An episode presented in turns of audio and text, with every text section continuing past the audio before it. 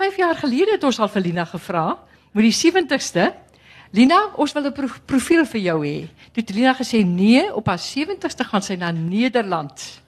En uh, toe het ons dit uitgestel en nou is dit vandag die groot dag uh dat ons Lina hier kan verwelkom as geprofileerde van die Woordfees. So eerstens heel hartlik welkom aan jou Lina. Dit was vir ons waarlike voorreg om hier te wees. Uh Madri gaan nou as oud student. Madri is 'n uh, 'n oud student van ons uh, uh departement, maar sy is ook die persoon wat hierdie jaar die koördineerder is van die skrywersprogram. So baie dankie vir die goeie werk wat jy gedoen het, Madri. Uh, dan wil ik natuurlijk Alida Potgieter uh, bekendstel, net hier, wat hier zit, wat uh, ook hier tegenwoordig is. En dan Marie, wij zijn bij, baie bekend voor ons, um, wat zij stukken in die burger. Baie hartelijk welkom aan jou. En dan natuurlijk het onze heerlijke verrassing vandaag hier in die gedaante van Hendrik Hofmeijer in Menet, wat hier voor ons gaan zingen. So ek gaan nie langer tyd bestee hier aan uh, Madri se tydjie nie. Sy gaan gou net sê wat het Lina in haar lewe beteken as student. Dankie professor. Ja, ek um, ek is baie verskuldig aan Prof Spies en dit is my verskriklike groot voorreg om haar bekend te stel en te verwelkom hier by die fees. Um as jong eerstejaars student het kon ek omtrent nie stil sit by die eerste klas van Prof Spies nie. Ek het geweet hier staan 'n gedigter voor my met 'n hoofletter D groot digter. En ons was almal doodbang om laat te kom vir haar klasse. Sy het jou sommer hier uitgesluit. Maar sy was verskriklik entoesiasties en het altyd so passievol gepraat oor die digkuns. Sy het vir ons almal 'n wêreld van letterkunde en van van dig gedigte oopgemaak en lewendig gemaak. Sy het ook haar huis en haar hart vir my oopgemaak wat vreeslik baie vir my as student beteken het. En sy het die beste skryfraad vir my gegee wat ek nog steeds vir my studente in my skryfkursus gee. Um toe ek bewerig my eie ou gediggies daarvoor haar gaan neerlê het, want dit was die tipe dosent wat sy was. Jy kon ook na haar toe gegaan het met jou eie gedigte. Um net sy vir my gesê skryf altyd konkreet. Vergeet van van al hierdie abstrakte dinge, skryf konkreet. En dis die beste raad wat ek nog gekry het. So dis my regtig heerlik om vir prof hier te hê en ek luister baie graag na julle. Alida Potgieter is haar uitgewer by Iman en Resou. Baie bekwam. Sy's 'n legende omtrent in die uitgewersbedryf. En dan Marie het natuurlik geen bekendstelling nodig nie. Marie Levita, julle weet almal van sy wonderlike um berigte, ja, en onderhoude in die burger. Baie dankie.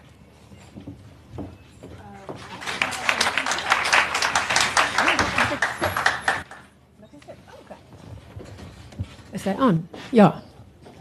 Ehm um, ek gaan net baie kort oorsig oor Lina se werk gee voor sy en Marie gesels. Die gedigte van Lina Spies het vroeg reeds wye aanklank gevind by 'n groot verskeidenheid van lesers, van poësie liefhebbers tot literêre lesers. Daarvan getuig die verkope van haar bundels deur die dekades sedert haar debuutbundel dig by ver genoeg in 1971 verskyn het. As ook die gereelde opname van haar gedigte in talle bloemlesings, onder andere ook vir skole.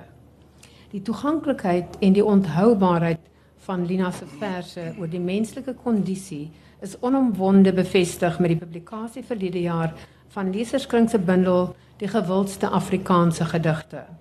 Die bundel is saamgestel na 'n landwyse meningsopname onder 'n breë spektrum van lesers. Die lys van 100 gewildste gedigte in Afrikaans bevat verse deur 35 digters waarvan slegs 8 nog lewende digters is. Lina Spies is een van die min digters in die bloemlesing van wie daar meer as een vers opgeneem is. Interessant genoeg weerspieël die die twee gedigte wat die lesers gekies het, twee van Lina se belangrikste temas, kinders en godsdiens. Die gedigte is 'n paternoster vir Suid-Afrika en lied van die kinders. Albei, albei gedigte spreek van haar empatie met die mens, veral met die stemloses en die onderdruktes. Lina Spies is op Harrismith in die Oos-Vrystaat gebore en het daar grootgeword en skool gegaan. Daarna het sy op Stellenbosch kom studeer waar sy ook die grootste deel van haar akademiese loopbaan as dosent in Afrikaans deurgebring het. Volgens Lina was daar altyd boeke in haar huis en papa het vir haar van kleins af verse voorgeles. En dit was 'n vormende invloed op haar gevoeligheid vir taal en haar latere loopbaan as digter. Lina se debuutbundel dig by ver genoeg van 1971 is bekroon met die Ingrid Jonker sowel as die Eugene Marais Prys. En dit is ook alom bekend dat die Opperman vir Lina 'n mentor was en sy gee hom gereeld erkenning vir die leiding wat sy by hom gekry het. In die meer as 40 jaar sedert haar debuut het nege digbundels uit Lina se pen verskyn. Sy is ook 'n gerekende letterkundige en akademikus en het onder andere werke oor die Opperman, Elizabeth Eybers en Emily Dickinson gepubliseer. In die laaste klompie jare is dit veral haar belangstelling in en kennis van die teologie wat gelei het tot artikels en standpuntstelling en partykeer ook debat in die media. Dan is daar haar werk as vertaler. Die agterhuis, haar vertaling uit Nederlands van die dagboek van Anne Frank, is in 2011 bekroon met die SA Akademieprys vir vertaalde werk en haar Afrikaanse vertaling van Arnon Grunberg se bekende en bekroonde roman Tirza het pas by Protea Boekhuis verskyn. Maar dit is as digter dat Lina die bekendste is in die Afrikaanse literêre wêreld. Lina se poësie is bekend vir die dikwels meer persoonlike en autobiografiese aard daarvan. Etienne Brits praat byvoorbeeld van die meditatief autobiografiese inslag inslag van haar werk wat aansluit by die van 'n digter soos Elizabeth Eybers. Die onderwerpe waaroor Rina skryf, sluit in verse oor haar jeug, oor kinders, die liefde, reis, godsdiens, geliefde landskappe, belangrike figure en invloede in haar lewe soos Anne Frank, talle kunstenaars, komponiste. In 'n resensie oor Rina se werk het Marius Kraus verwys na die tema van godsdiens in Rina se werk en die veranderinge en die verandering in die digter se ideologiese perspektief. Ek haal hom aan daaroor. Deurgangs in Spies se poësie is daar 'n eie soortige geding met God. Het sy uit die perspektief van die alleenloper of die skeptiese akademikus. Aanvanklik is daar by Spies 'n berustende uitdrukking na God, maar in haar latere werk begin sy twyfel aan die rol van die kerk en veral aan vormgodsdiens. As mens die skyn van tuiskoms lees, is dit 'n keur van die heel beste gedigte uit Lena se werk, is dit duidelik waar die waarde en die bekoring van Lena se poësie lê. Hierdie 2010 keur is deur Johan de Lange saamgestel en ek haal uit sy flapteks aan want hy som die wese van Lina Spies se werk baie goed op. Hy skryf: Haar verse oor kinders ondersoek onskuld, weerloosheid en verbondenheid deur die gebruik van die volkse sprokies en kinderrympies. Terwyl die intieme en die kwesbare liggaam verken word in gedigte oor vrou wees en kinderloosheid. Naas Ingrid Jonker skryf Lina Spies van die mooiste liefdesverse in Afrikaans. Van die stralende ontdekking van nuwe liefde tot die ontgoocheling en die ontnugtering van afskeid. Die ekstase van die liefde vind dikwels uiting in taalspel en in tekstase. En by ontnugtering en verlies is daar soms 'n ontvlugting in die taal in, want vir Spies is taal 'n landskap op sigself, 'n tuiskoms. Die deurreis van landskappe, veral die Vrystaat, Boland en Nederland, maar ook van Bybelse en tekstuele ruimtes word uiteindelik 'n soeke na betekenis in die hiernamaals sowel as die hiernamaals. Wanneer Lina in die een ruimte verkeer, is daar 'n verlange na die ander, sodat haar verse gevoed word deur 'n sterk elegiese sintuig, 'n gevoel van ontheemding, van 'n heimwee na elders. Met hierdie woordfeesprofiel wil ons baie dankie sê vir Lina Spies se besondere bydrae tot die Afrikaanse digkuns en ek wil afsluit met 'n paar reëls uit een van haar gedigte. Ek het 'n menselewe in een klein ronde afgestap en donker het dit nie oorweldig nie. Baie dankie.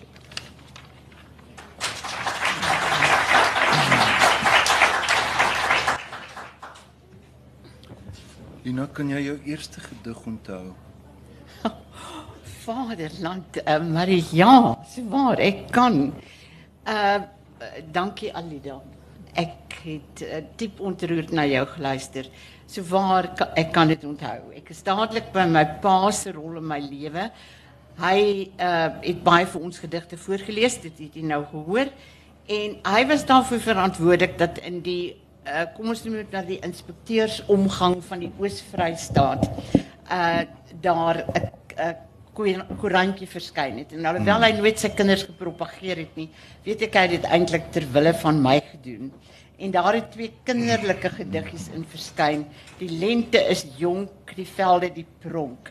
almal is vrolik, nie een is meer oulik en ek was toe maar 'n uh, kind van so ongeveer 10 jaar oud so uh ek weet nie of uh mens regtig aan daai gediggie met die slymerende talent kon sien. Okay, dit klink vir my tog so ja.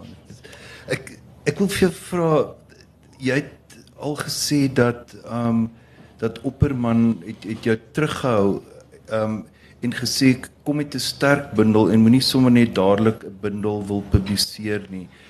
Um as jy nou terugkyk by nabetragting, dink jy dit was dit was goeie raad geweest of dink jy hy kon eintlik vroeër gedebuteer het?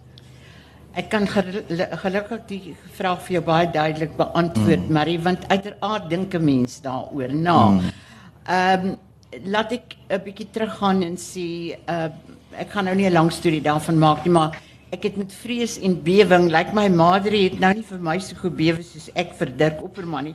Het ek vir hom twee gedigte in die hand geprop van hy het gesoek na jong digters se gedigte en gesê dink nie dis veel werk nie en weggehardloop. En toe die volgende jaar toe ek in sy honneursklas sit, uh maar ek dink ek gaan jou onderhoud daarvoor uitloop uh, deur dit te vertel. Hy het uh toe vir my kom vra in die honneursjaar het jy weer gedigte geskryf? En toe het ek gesê ja, en toe het ek dit vir hom gegee en toe swyg hy in alle tale en ek dink o my hemel, is dit so sleg. En toe kom hy een keer in die kantoor in en hy sê vir my beantwoord asseblief vir my hierdie brief. En ek dink wat 'n vreemde ding, hy het nog nooit sulke goed vir my gevra om sy briewe te beantwoord nie. En ek begin lees en daar staan beste Dirk. Ja, die digter, 'n dogter digteres het regtig talent. En toe was dit van my gedigte wat in die standpunte van 1963 is my geheue my nie in die steek laat nie. Januarie verskyn het. En dit was dit het my drang om te publiseer voorlopig uh sal ek sê vervul. Okay. En ek was bereid om te wag. Die laaste episode wat in my teruggehou het is gaan die gehoor geniet. Uh, ek is nou 'n groot wyndrinker dames en here. Ek het heeltemal 'n Kaapenaar geword, maar as jong student het ek nie geweet wat om te drink as hy brandewyn of rooiwyn gedrink het nie. En toe hy 'n eredoktorsgraad van die Universiteit van Natal ontvang het, het hy op die deurreis soveel het hy omgegee aangekom op Port Elizabeth en dit ek op die stoep van die Algoa Hotel terwyl sy vrou en jongste dicht, uh, dogter gaan slaap het met hom gesels en terwyl ek bitter lemon en uh uh, uh suurlemoen wat noem jy dit en lemon gedrink het bitter lemon en jenever gedrink het die slegste drankie op aarde so depressiewe drankie wat ek nooit weer in my mond aangesit het nie uh het hy vir my gesê hy het my vorige manuskrip toe gesien op daai stadium as jy 'n uitgewer wil hê om jou in jou eie nek wil afsny kan ek môre vir jou een kry waarop ek gesê nee maar ek wil nie my eie nek afsny nie. En toe het hy baie ernstig vir my gesê jy's op pad Nederland toe vir studie. Kom gaan eers en as jy terugkom kom ons kyk dan. Ja, ek is bly het my teruggehou want dit ek het met 'n ryp debuut gekom en 'n volwasse debuut. Die enigste nadeel daaraan verbonde was alhoewel dit nog altyd een van my beste bundels is en vir myself baie na in die hart lê is dit verkeerdelik beskou as jeugdige poësie. Hmm. En ek laat dit daarby. Dit het ook natuurlik 'n sekere remming gebring in my digterlike loopbaan. Okay.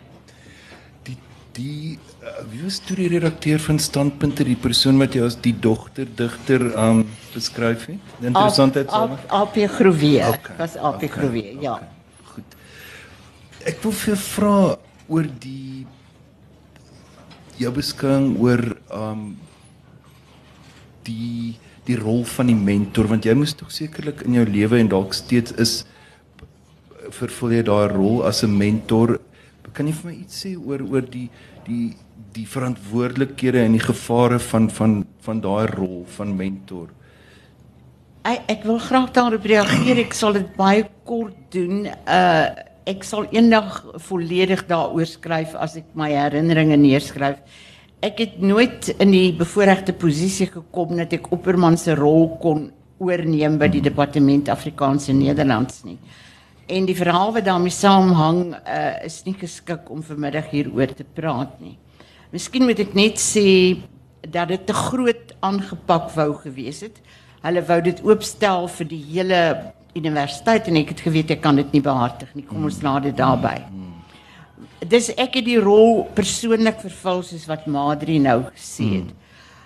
Uh, ja, ek vind dit baie uh moeilik om dit te doen en baie verantwoordelik.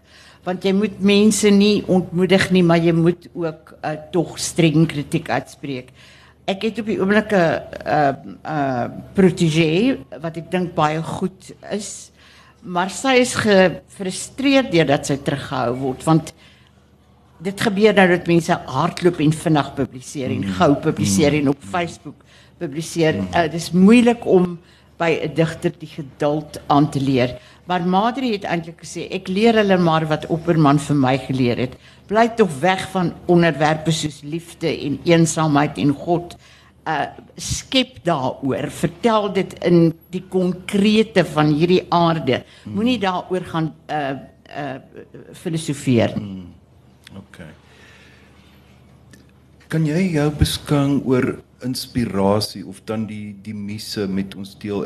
Ek het onlangs het jy gesê um, waaroor ek wel wakker lê is 'n gedig wat nie klaar geskryf kom nie oor die gewroet om woorde wil ek soos Elisabeth Eybers vra wanneer dit end kry. Dit ek is baie bly oor hierdie vraag. Uh ja. Ek kan maklik daarop reageer-. Ek is 'n inspirasiedigter. Uh ek kan nooit op 'n oggend opstaan, my koppie koffie drink en behoorlik wakker word en sê, "Ah, ek gaan 'n gedig hieroor skryf nie." Ek moet geïnspireer word om iets te skrywe. Maar ek wil nie die geïnspireerdheid as iets vreeslik bo mensliks uh voorstel nie. Uh dit is altyd gekoppel aan hierdie werklikheid. Uh alhoewel jy dit self soms soos Pablo Neruda uh belewe dat jy nie kan glo nie dat poësie jou ontmoet en dat jy in 'n ander dimensie half kom in die skepingsproses. Um laat ek oor Anne Frank uh vertel want dit is die maklikste en dit onthou ek die beste. Um ek het haar dagboek gelees in 1961 en ek het dadelik geweet oor hierdie meisietjie wat uh moes sterf in Bergen-Belsen en nie haar droom om 'n skrywer te word kon verwesenlik nie. Sy weet niks van haar postieme roem af nie. Maar ek kon nie oor haar skryf nie. Ek kon nie sommer gaan sit en nou nou gaan ek 'n gedig oor Anne Frank skryf. En ek het dus ook geleer dat jy werk vir 'n gedig. En ek het haar die die gevoel, die drang was daar, maar ek het haar dagboek gekoop. Gelukkig in die oorspronklike Nederlands was dit beskikbaar en ek het dit baie deeglik gelees. En ehm um, op 'n Sondag aand toe kom ek by hierdie Sondag aand koshuiskos en Hendrik Hofmeyer se toonsetting sal u net nou iets daarvan optel. Lyk my ek het 'n lewenslange probleem met uh koshuis eetes en moet 'n sekere soorte kossoorte terwyl ek eintlik 'n lekker bek is, hoor. Maar ek kom en al hierdie curry eiers is daar en al die goed wat daar te ete is op 'n Sondag aand en melk en melk is vir my die aaklikste drank op aarde en ek dog hoe verskriklik en dadelik is dit daar. Anne Frank. Hulle het honger gely. Hulle aardappels het vrot begin word.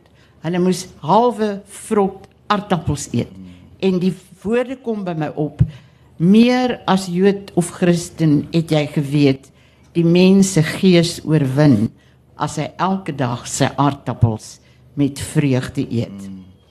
Omdat die gedig so na my hart so diep in my lewe is, kan ek dit onthou. Ek kan nie uit al my gedigte aanhaal nie, hoor. Moenie beïndruk raak nie. So. Het jy ooit Lina dit beleef dat dat jy voel die muse het jou verlaat of dat jy in 'n dat jy vir 'n hele tyd lank voel maar jy kan nie skryf nie, jy kan nie jy weet dit is dat jy amper beangs raak oor oor 'n droogte as ek dit so kan stel. Het jy ooit dit dit beleef of Ek is dink- dit iets wat jy beleef? Ja, wil jy nog iets bygevoeg? Nee, dis al. Uh ja, natuurlik beleef 'n mens dit. Uh en uh veral as jy 'n bundel klaar uitgegee het, is daar die gedagte van gaan ek weer 'n bundel eendag kan uitgee? Gaan ek weer die inspirasie vind?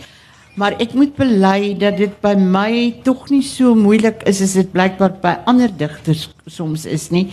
En ek skryf dit toe aan my hartstog vir die musiek. Ehm um, ek luister die hele dag na musiek, uh, byna die hele dag. Daarom nou nie van 8 uur tot 12 uur in die nag nie. Ek lees baie. Ek luister nie na die opera program nie want dit is 3 uur lank. En alhoewel ek van musiek hou, kan ek nie vir 3 uur lank op 'n Sondag aand dan luister nie, dan wil ek liewer lees. Maar dis juist die liefde vir musiek wat daai leemte vul. As ek kan luister na Schubert se toonsettings as Dietrich Fischer-Dieskau dit sing of uh, as my geliefde Giulia Bartoli die aria antieke sing, dan is ek vervuld. Al is dit nie my kunsvorm nie, al is dit nie my dissipline nie. En dan word ek nie gejaag deur o, hemel, ek moet 'n gedig skryf nie. OK. In in watter stadium sal jy 'n gedig met iemand deel en en en dan ook ek wil amper vir jou ook vra wie wie is jou ideale leser byvoorbeeld? Hy is darm 'n baie goeie onderhoudvoerder. ja, hy's reg. Ehm um, ek deel nogal my gedigte en nooit met kritisie nie. Ek dink uh, dit is die laaste stap voor ek 'n bundel publiseer. As ek 'n gedig skrywe wat tot iemand spreek, dan gaan ek dit vir daai persoon stuur. So het Hendrik wat my nou die vreugde aangedoen het om 'n paar van my gedigte te toonset, ook al van my gedigte gekry net nadat ek dit klaar geskryf het en gedink het dit vir ek deel. Dan sit hier iemand in die gehoor en sy haar naam is Karen Larry, sy gee Afrikaans by Bridge House. Ek wys graag vir Karen as ek 'n gedig geskryf het. Ja. Ek deel dit met uh enkelinge. Uh dis baie swaar om dit met jou familie te deel. Hulle hou meestal niks daarvan nie, hoor. En sê hulle dit dan? Hulle swyg gewoonlik. OK. Jy het um in 'n vorige onderhoud gesê uh jonger skrywers en digters behoort nie oor hul eie werk te praat nie omdat hulle nog nie kan bepaal wat die aard van van hul skrywerskap is nie. Um en en jy het ook gesê daar daar's niks wat inspirasie of die muse dan so wegdryf as selfbewustheid nie. Kan jy kan jy iets verder daar sê dit het vir nogal dit was vir nogal 'n baie interessante en en boeiende opmerking. Ek kan seker na hierdie 75ste verjaarsdag baie daaroor sê, maar ek sal dit kort hou. Ek uh, het op versoek van die dames van die biblioteek wat al die versamelings nou ingebind het van my en Henny Oukamp uh, en ons moes dit ontvang en uh, Marina het gevra of ek oor eie werk sal praat en self 'n tema voorgestel. En natuurlik het ek ja gesê en ek het dit uh, Vrydag uh, gedoen om 12 uur die middag in die biblioteek en toe ek klaar was en ook baie waarderende opmerkings gekry het, het ek gesê hierdie lesing moet ek so gou as moontlik vergeet. Ja, dit sal my verskriklik strem om oor myself te gaan sit en dink. Uh hierdie mooi praatjie wat Alida gehou het, was waar. Ek ek besef dit alles wat sy gesê het is in my werk, maar bewaar my daarvan om daaroor te begin sit en dink want dan hou ek dadelik op met skrywe. Okay. Ek kan nie glo uh, kan ek nie byvoeg maar ek kan nie glo dat mense uh, goed op uh, Facebook of wat ook al skryf en in bewondering hulle eie goed sit en lees en dit vir mekaar in groepsverband voorlees en die Vader weet wie almal dit moet sien nie. Ek, uh, ek veral as dit intiem deel is van jou, gaan ek nou 'n intieme liefdesgedig van my onmiddellik vir die wêreld uh, uh stuur om te gaan lees. Ek begryp nie hierdie exhibitionisme nie. Okay. Johan de Lange sê Lina Spies skryf 'n gedig wat onmiddellik as haar eie herken word. Nou wil ek vir jou vra hoe het jy jou eie stem gekry en en en wat bedreig die vorming van van daardie eie stem? Ek bedoel het jy byvoorbeeld bewustelik daarteen gewaak om deur ander digters, skrywers beïnvloed te word of dit fascineer my daai Ek kan dit. Dit ja, is- 'n digter met 'n eie stem hê, anders moet hy maar swyg. Ehm ek uh het bewus gewaak teen die stem van Elisabeth Eybers. Ek het haar uh, gehoor praat in my werk. Ek dink nie sy praat meer saam nie want ek dink ek en sy het totaal verskillend verder ontwikkel. Ja, ek het my definitief daarvan afgesluit. Ek was ek moes dit doen. Ek het vir haar 'n lang tyd ook nie gelees nie. Maar ek dink uh Eyskrige het uh, toe ek die um Ingrid Jonker prys ontvang het gepraat en hy het toe reeds gesê dat ek 'n duidelike eie stem het en hy het verkeerdelik my tweede bundel Winterhawe daar gehad en nie dig by ver genoeg nie. Toe sê hy ag toe maar dit maak nie saak nie, sy het al haar eie stem, mens hoor dit ook in Winterhawe. Okay. En en die oukamp was saam met my daar en hy het my later daarvan bewus gemaak van hoe 'n belangrike ding uh hy's gesê het. En ek het ook besluit dan het ek dit maar ek moet ook nie te veel daaroor uh, dink nie. Maar ek het nou onlangs wel 'n gedig oor die einste Cecilia Bartoli geskrywe. Hmm. En ek het eet, uh, my vriendin na wie ek verwys het met my gedigte lees, het gesê Lina, besef jy hier's iets van jou eie credo in hierdie gedig. Want Cecilia Bartoli uh, word deur die kritisie gedurig gekritiseer oor die volgende. Jou stem is te klein. Jy moet uitkom uit die 18de eeu. Jy moet ophou om Mozart te sing. En haar antwoord in 'n biografie oor haar is die volgende: Ophou om Mozart te sing. Hy is 'n engel uit die paradys. Hmm. Oor die 18de eeu sê sy: Ek is hier vir die 18de eeu. Die Padre Eterna, die ewige Vader, het my bedoel vir die 18de eeu. En dan het sy ehm um, uh, nog iets gesê wat vir my geweldig getref het. Sy sê sy het gesê die kritisie sê my stem is te klein. Sy sê ek kan niks daaraan doen nie. Dis my stem. En ek het eendag vir Opperman gesê, Marie, ek gaan nou skryf soos die kritisie wil hê ek moet skryf. Dis sê vir my, jy hou aan skryf soos jy skryf. Okay. Dis my antwoord op. Wonderlik. Johan de Lange weer eens uit uit iets geskryf wat wat Alida ook net nou aangehaal het um oor jou die hy skryf by jou word die deur reis van landskappe veral die Vrystaat, Boland en Nederland maar ook die Bybelse en tekstuele ruimtes uiteindelik 'n soeke na betekenis in die hiernamaalse sowel as die hiernamaalse. Wanneer jy in die een ruimte verkeer, is daar 'n verlange na die ander sodat haar verse gevoed word deur 'n sterk elegiese sintuig, 'n gevoel van ontheemding, van 'n heimwee na elders. Nou ek wil dit nou net op 'n baie reële vlak um ter sprake maak en vir jou vra het het jy dit al oorweeg om om in Amsterdam te gaan bly? Het jy as mens nou hierdie agtergrond sit van op 'n poëtiese vlak, maar ook in die in in in die werklikheid van jou fisieke bestaan het het jy al het jy daai gevoel ook dat jy soms jy weet jy is baie lief vir Stellenbosch, maar jy het al gevoel jy weet jy sou ook in Amsterdam wil wil leef.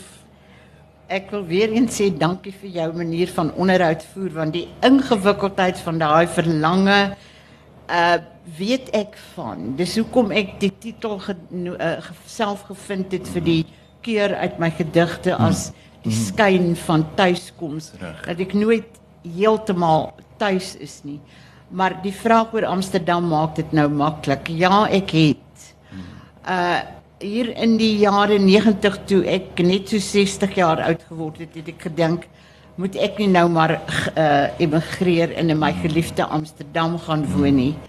En ek het 'n lang tyd daarmee rondgeloop en toe tog besef ek kan dit nie bekostig uh uh ekonomies nie. En ek het ook besef maar ek is aan die ander kant so ontsettend geheg aan Stellenbosch. En toe het 'n Nederlandse vriend vir my gesê, "Hou tog op met hierdie pratery oor jou verskeurdheid tussen twee lande. Noem dit nou net 'n keer 'n verryking."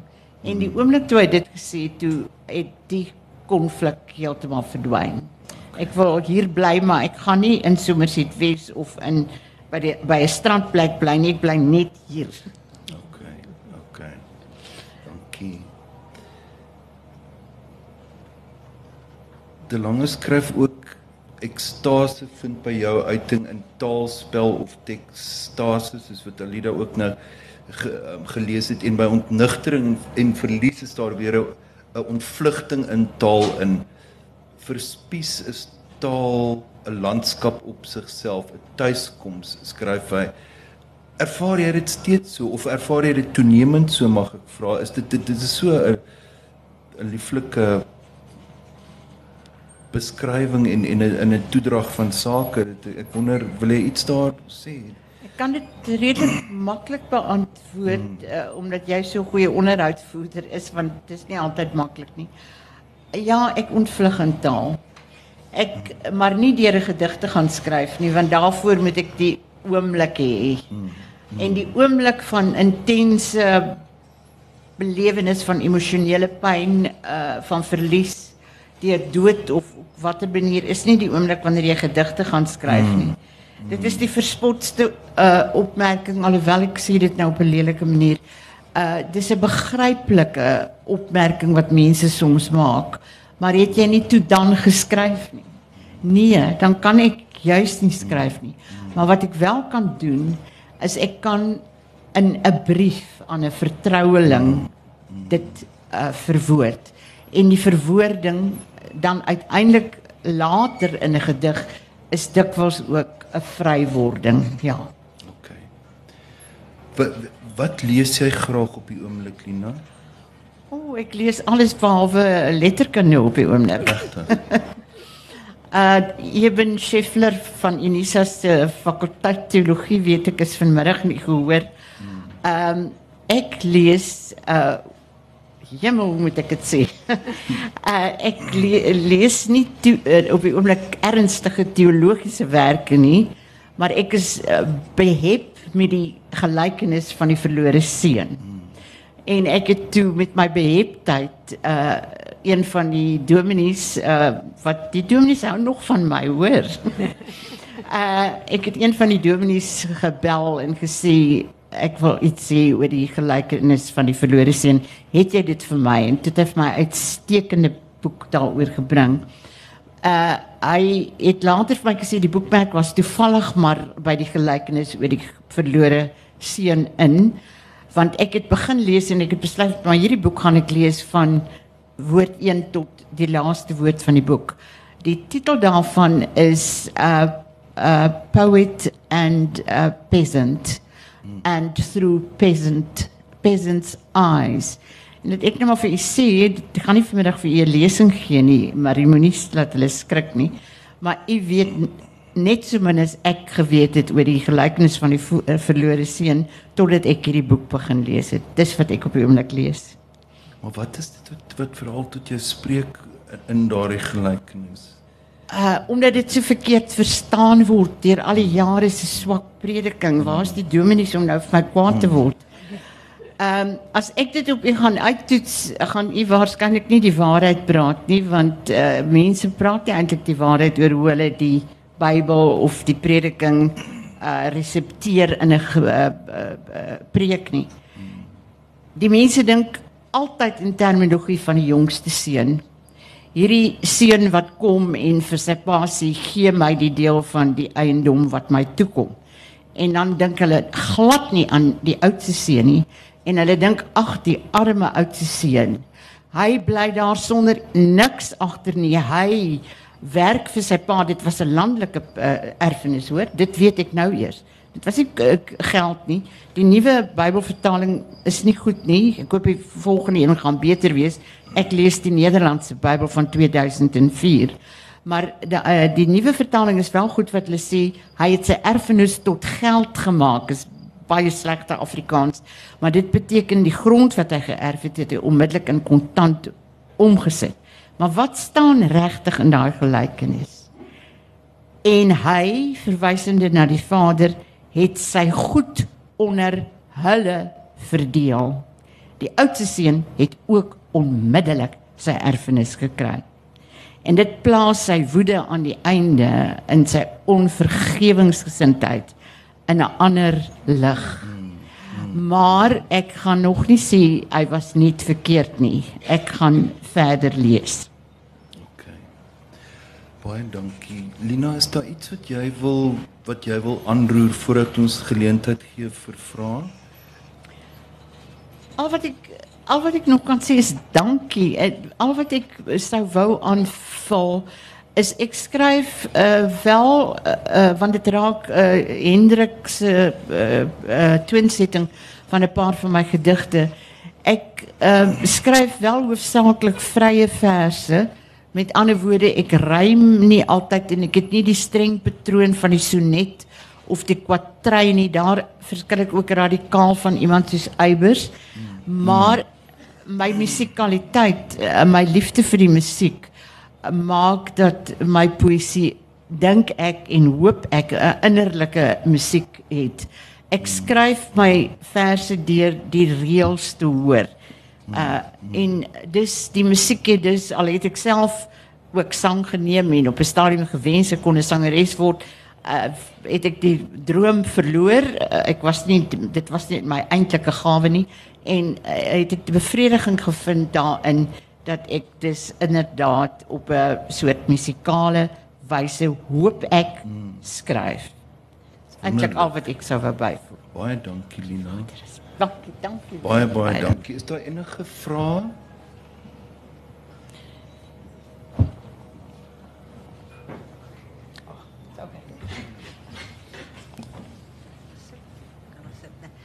Uh, goeiemiddag. Woord en musiek. Ons het interessant gehoor op hierdie verhoog dat en ek dink jy gehoor ken dit het dit al van tevore gehoor dat note het 'n kleur. Maar nou het ek gehoor dat hulle sê woord het ook 'n kleur. Is dit so vir jou? nee glad nie Dankie. Ek sien ook nie musiek in terme van kleur nie. Ek as ek musiek luister is vir my ek is baie bly oor die vraag. My suiwer transcendentale ervaring. Dis die oomblik wanneer ek loskom uit hierdie werklikheid, maar ek sien glad nie kleure nie. En tog is ek 'n groot liewer liefhebber van die visuele kunste ook en het ek 'n heel paar gedigte oor skilders en beeldhouers geskrywe. Vra, dit was nie die bedoeling nie. Geen geen ander vrae nie.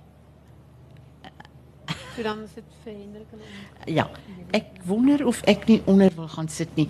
Nou moet ek vir ek as indien u nie weet nie en u dalk nou bekommerd gaan wees dat ek regtig baie oud geword het intussen. Uh ek het my enkel 8 weke gelede gebreek, mors af. En die opkom hier was taamlik maklik, maar die afkom gaan dalk 'n bietjie moeiliker wees.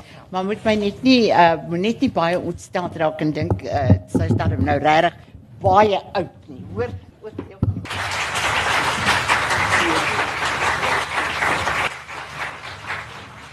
Uh goeienaand dames en here, ek sal baie kort wees. Ek weet daar is nie vreeslik baie van die tekste wat ek uitgegee het in die ronde nie, so ek wil net graag ietsie oor elkeen van die gedigte sê dat mense wat nie die teks het nie ook weet waaroor dit gaan. Ehm um, ek het ses gedigte van Lina gekies. Uh dit was my heerlike ervaring natuurlik om weer deur al Lina se werk te lees en en te kon dink nou watter een gaan ek kies. Ehm um, ek sal sê daar's miskien 'n oordaat van uh, gedigte met rym en en reëlmatige metriese skema soos mense sal verwag in terme van 'n komponis wat soek vir lirieke in eerste plek. So ek het vir Lina gewaarsku, ek gaan die gedigte kies want sy gaan die gedigte kies wat haar die naaste aan die hart lê en wat sy miskien ook as die beste beskou. Ek het nie noodwendig gesoek na die beste gedigte nie, maar die wat die, vir my die beste is vir my musiek. Ehm um, so maar ook 'n baie selfsugtige standpunt. Ehm um, Ehm um, die ses gedigte wat ek gekies het, um, het ek ook probeer organiseer op 'n sekere manier om 'n siklus te vorm. So die eerste en die laaste gedig is um, van die gedigte waar Lina miskien die naaste kom. Ek sal nie sê aan abstraksie nie, maar aan 'n soort van 'n filosofiese betragting van haar eie werklikheid. Ehm um, terwyl die vier middelgedigte baie meer persoonlik van aard is en miskien uh, 'n persoonlike toepassing van dit wat in die buitenste verse staan. Uh die eerste gedig het ek nogal gehuiwer. Ek het nou net vir Lina gevra, hoe noem sy die gedig? Want die titel is so ons mag gewoonlik op Engels sê Pisces. Ehm um, ek weet nie wat die korrekte Afrikaanse uitspraak sou wees nie. Ehm um, as mens maar volgens die Italiaanse vorm van Latyn gaan sou seker pisces gewees het. Maar nou ja, die teken van die vis wat natuurlik Lina se eie teken is. En die gedig um, handel dan ook oor ehm um, die teken en wat dit vir haar beteken. Sy sien dit as die teken van dromers en van digters. Ehm um, en sy skryf ook baie mooi dat vir vir die mense wat onder die teken gebore is, is daar 'n baie dun waas tussen hulle en die werklikheid. Uh en dat hulle sinne en hulle hart baie maklik geraak word. En hierdie tematiek word dan ook in die tweede vers direk opgeneem in 'n baie kontrasterende manier. Ehm um, koshuis aandete waar 'n baie barre werklikheid hom voordoen. Ehm um, en ek hoop nie enigiemand sal ehm um, gebel voel nie, maar ek het ehm um, die vryheid geneem om die bekende gesang op berge en dale wat dan ook na verwys word in die teks um, op 'n taamlike banale manier te toon sit nie as 'n verwysing na die kerk nie maar juist na die manier wat 'n klomp taamlik ongeskoolde koshuiskinders dit miskien sou gesing het die aand voor hulle eet. Ehm um, en hierdie barheid word dan onderbreek deur die digter se meiberinge en verlange na 'n buite skoonheid en 'n buitewerklikheid, die son wat sak oor die berge op Stellenbosch en hoe veel eerder sy daar sou gewees het as in hierdie banale werklikheid. Ehm um, dan volg 'n gedig waarna daar reeds verwys is ook, ten minste wat die tematiek betref, twee spalt wat handel handel oor Lina se verlange na die Boland wanneer sy in Holland is en na Holland wanneer sy in die Boland is. Ehm um, daardie effens onopgeloste problematiek ehm um, wat ek dan ook in die musiek op 'n manier probeer verwoord. Ek sal uh, miskien net gou vir julle dit aandui.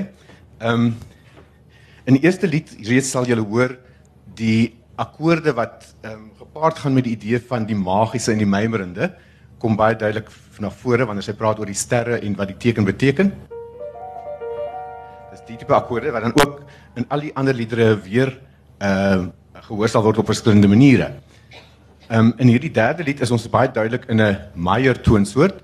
Die lied is eintlik my eie verlange huldeblyk aan die Afrikaanse volksliedjie. Ehm um, en die tipe van verlange wat my so dikwels daarin vind. Ehm um, so dis 'n baie duidelike A majeur. Maar um, mens kan ook note buite die toonsoort gebruik. En ek het aan hierdie in hierdie geval gedink aan Lina se verlange as eintlik iets wat haar effens buite die volle werklikheid plaas. So hierdie nootjie is buite toonsoort maar neig terug na die toonsoort, maar ek kan ook neig na 'n ander akkoord. So ek kan opneig soontoe of ek kan afneig soontoe en deur die hele liedjie sal jy in die begeleiding hierdie nootjie hoor wat heeltyd ehm um, ehm um, sê ek sê die die andersins baie eenvoudige en diatoniese karakter van die lied effens versteur. Ehm um, die volgende lied is die gedig wat ek eerste gekies het. Ehm um, en lank reeds in die oog gehad het, musiek, 'n wonderlike uh, vers van Lina wat handel oor wat musiek vir haar beteken. En weer eens sal hoor die magiese akkoordklanke wat amper soos ligstrale opstyg deur die melodielyn. Die melodielyn word eers volledig deur die klavier uiteengesit soos 'n stuk musiek en dien dan as 'n soort van 'n agtergrond vir die stemparty want sy sê ehm um, uh, sy vir, sy sê hoe musiek ehm um, haar deurstraal soos die son deur 'n blaar skyn. Uh en ek het dit ook dan in die musiek probeer oordra. Die uh volgende lied is eintlik geen verduideliking nodig nodig nie protes teen die poesie. Ehm um, maar net 'n protes teen die feit dat gedigte partykeer dit wat ons liewer sou wou vergeet vir ewig. En in hierdie geval veral persoonlike leed. Ehm um, en hierdie idee van vergeet is dan ook die skakel met die finale gedig. Ehm um, nog nie gepubliseer nie. Ek is baie bevoorreg dat Lina dit vir my gestuur het as deel van 'n groep ongepubliseerde werke. Die gedig is Kringloop. Um, in die eerste versie praat sy oor vergeet en weer eens maak sy dit van toepassing op op reële werklikheid en die, die beeldspraak wat sy gebruik is altyd verbonde aan die werklikheid eerder as die abstrakte filosofiese. En dan ehm um, as 'n soort van 'n ehm um, speelbeeld daarvan handel die tweede versie oor die idee van onthou. Ehm um, en jy sal hoor hoe in die eerste versie die klavierparty onverpoos afwentel al laer en laer en laer tot hy uiteindelik weer by die aanvangstoonsoort kom dat hy in ander woorde so van 'n kringloop voltooi en van daai punt begin hy dan weer opstyg wanneer hy uh, praat oor die idee van onthou en bereik uiteindelik weer die beginpunt sodat hy uh, so van 'n volledige kringloop voltooi nie net binne die lied maar ook binne die siklus van die ehm um, toonsoort wat ons bereik reg aan die einde is die toonsoort waarin die eerste lied dan ook begin het. Baie dankie. Ek vra vir my net om haar by my aan te sluit. het 'n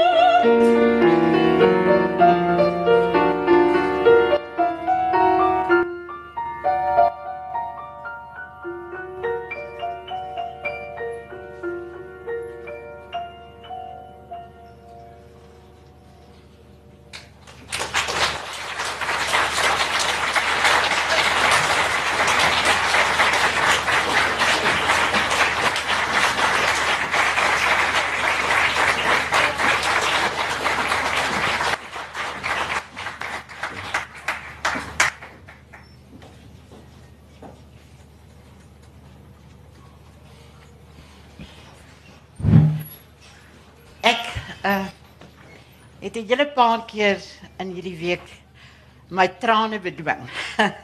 en daarom gaan ek dit baie kort hou. Ek het nog nooit na myself geluister vanmiddag nie. En Hendrik, ehm uh, jy is veel beter of laat ek dit nou nie vergelykenderwys sê nie. Jy verstaan my gedigter gedigte beter miskien as baie kritisie en vir jou Menet daai pragtige pragtige stem. Ehm um, niks raak my meer as musiek nie. En wat dit vir my beteken sonder om die ander gebeurtenisse af te skaal wil ek net sê was 'n hoogtepunt wat ek met my saamneem en laat iemand nou net vir my sê klassieke sang en klassieke komposisie is onverstaanbaar dan vra ek julle om weer 'n keer dit uit te voer baie baie dankie